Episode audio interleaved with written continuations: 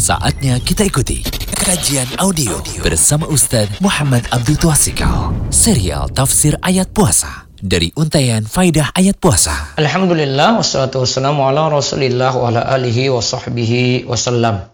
Puji syukur kita panjatkan pada Allah salawat dan salam semoga tercurah pada Nabi besar kita Muhammad sallallahu alaihi wasallam. Sekarang kita masuk audio kedua dari pelajaran tafsir puasa dari buku kami Untayan Faidah dari Ayat Puasa kita pelajari dulu tiga tahap pensyariatan puasa. Dalam Musnad Imam Ahmad disebutkan hadis berikut dari Mu'ad bin Jabal radhiyallahu anhu. Dia katakan adapun periode puasa ketika Rasulullah SAW tiba di Madinah, beliau puasa setiap bulannya tiga hari. Kemudian beliau menambah puasa hingga 17 bulan dari Rabiul Awal sampai Ramadan. Yazid mengatakan 19 bulan dari Rabiul Awal hingga Ramadan. Setiap bulannya tiga hari puasa. Ingat ya, awalnya dulu tiga hari puasa. Kemudian beliau juga puasa Ashura, 10 Muharram. Kemudian Allah mewajibkan puasa dengan menurunkan ayat. Setelah itu turunlah kewajiban puasa dengan turunnya ayat. Ya ayyuhalladzina amanu kutiba alaikumus siyamu kama kutiba alal ladzina min qablikum la'allakum tattaqun. Hai orang-orang yang beriman, diwajibkan atas kamu berpuasa, sebagaimana diwajibkan atas orang-orang sebelum kamu, agar kamu bertakwa. Hingga ayat وعلى الذين يطيقونه فدية طعام مسكين Dan wajib bagi orang-orang yang berat menjalankannya, jika mereka tidak berpuasa, membayar fidyah, yaitu memberi makan seorang miskin. Al-Baqarah ayat 184. Maka barang siapa ingin puasa silahkan.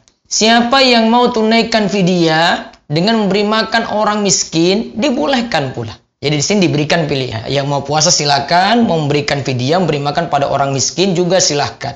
Kemudian turunlah ayat Syahrul Ramadan alladhi unzila fihi al-Qur'an hudan lin-nasi wa bayyinatin minal huda wal furqan Beberapa hari yang ditentukan itu ialah bulan Ramadan, bulan yang di dalamnya diturunkan permulaan Al-Quran sebagai petunjuk bagi manusia dan penjelasan-penjelasan mengenai petunjuk itu dan pembeda antara yang hak dan yang batil. Al-Baqarah ayat 185.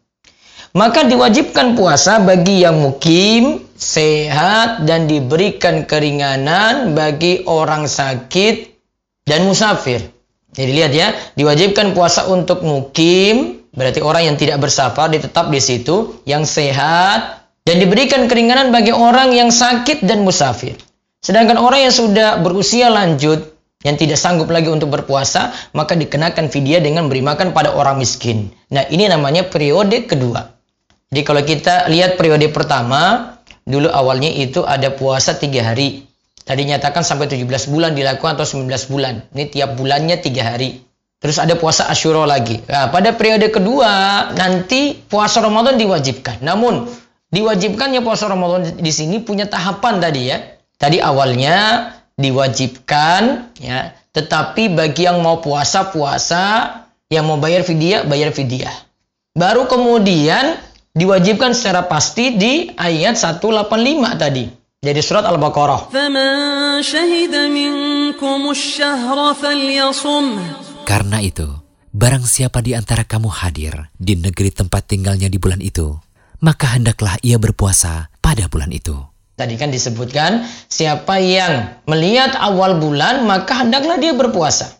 Nah, aturannya dulu ini di masa periode kedua ini orang-orang saat itu makan, minum dan menggauli istri mereka selama mereka belum tidur malam.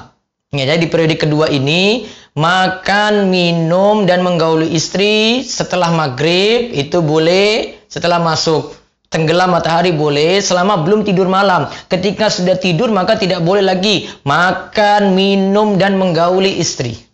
Ini yang ada di periode kedua. Jadi awal-awal dulu ya seperti ini. Lalu diceritakan ada orang yang bernama Sirmah. Siang hari ia bekerja hingga petang. Kemudian ia mendatangi keluarganya. Kemudian ia sholat isya, lalu langsung tertidur dan tidak sempat makan maupun minum hingga datang subuh. Maka ia dari tertidur tadi sudah dalam keadaan berpuasa. Lanjut. Lantas di pagi hari Rasulullah SAW melihatnya yang sudah dalam keadaan letih berat. Rasulullah SAW pun mengatakan kepadanya, Mali aroka kode jahat tajah dan syadidan. Sepertinya engkau dalam keadaan letih berat. Ia jawab ketika itu, Ya Rasulullah, ini amil tu amsi faji'tu hina ji'tu fa'alqaitu nafsi fanimtu wa asbahtu hina asbahtu sa'iman. Ya wahai Rasulullah, aku kemarin bekerja berat. Aku pulang lantas tertidur hingga aku puasa sampai pagi ini nih. Jadi tadi Sirma itu ceritakan dia itu kan puasa, terus pulang sudah capek-capek, ya istrinya siapkan makan namun Allah tertidur. Maka lanjut puasanya tadi kan untuk periode kedua ini kan sampai subuh. Akhirnya dia lemas di keesokan harinya. Maka dilihat Rasul SAW dia itu kok letih berat. Nah awal dulu puasa kayak gitu itu periode kedua juga diceritakan dari Umar pun menggauli budak wanitanya atau istrinya setelah Umar tidur ya jadi ada di antara sahabat berarti ada yang nekat ya karena tidak tertahan lagi. Kan ini berat ini. Malam yang penting belum tidur nih. Ada yang sudah tidur menggauli istrinya diam-diam.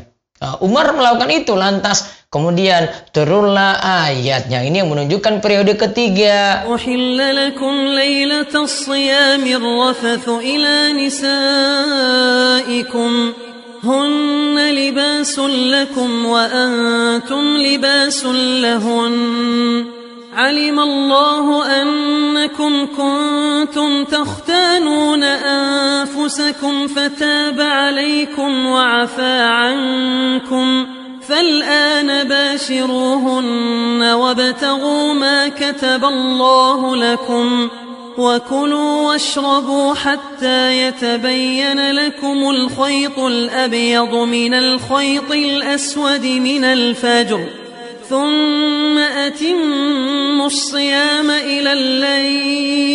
Dihalalkan bagi kamu pada malam hari bulan puasa bercampur dengan istri-istrimu. Mereka adalah pakaian bagimu dan kamu pun adalah pakaian bagi mereka. Allah mengetahui bahwasanya kamu tidak dapat menahan nafsumu. Karena itu, Allah mengampuni kamu dan memberi maaf kepadamu. Maka sekarang campurilah mereka dan ikutilah apa yang telah ditetapkan Allah untukmu. Dan makan minumlah hingga terang bagimu benang putih dan benang hitam, yaitu fajar. Kemudian sempurnakanlah puasa itu sampai datang malam. Al-Baqarah ayat 187. Nah demikian hadis riwayat Ahmad. Takrij hadisnya ada di halaman ke-8.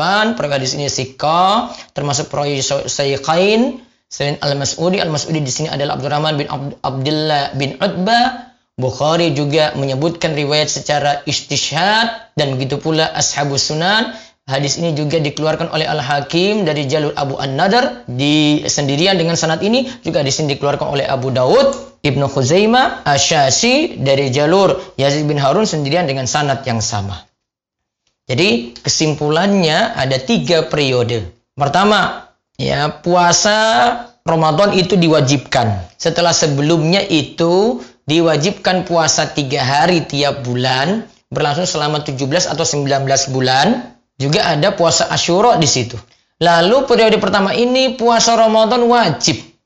Namun wajibnya apa? Punya pilihan. Ya mau puasa silakan yang tidak ya mau puasa bayar fidyah silakan. Terus periode kedua disuruh ya pilih puasa saja kecuali bagi yang sakit musafir. Kalau bagi yang sepuh tidak kuat puasa maka bayar fidyah namun masalahnya pensyariatan di periode kedua ini saat tenggelam matahari berbuka. Sebelum tidur malam masih boleh makan, minum, hubungan suami istri. Setelah tidur malam lanjut puasa. Nah, periode ketiga bedanya ketika itu malam hari itu yang penting belum masuk fajar subuh masih boleh makan minum, boleh hubungan intim. Bedanya dengan sebelumnya, ya, periode yang kedua, ya, sudah tidur malam, sudah mulai puasa. Namun kalau ini mulai puasanya sejak fajar subuh, azan subuh berkumandang yang tepat waktu, nah itu kita mulai puasa.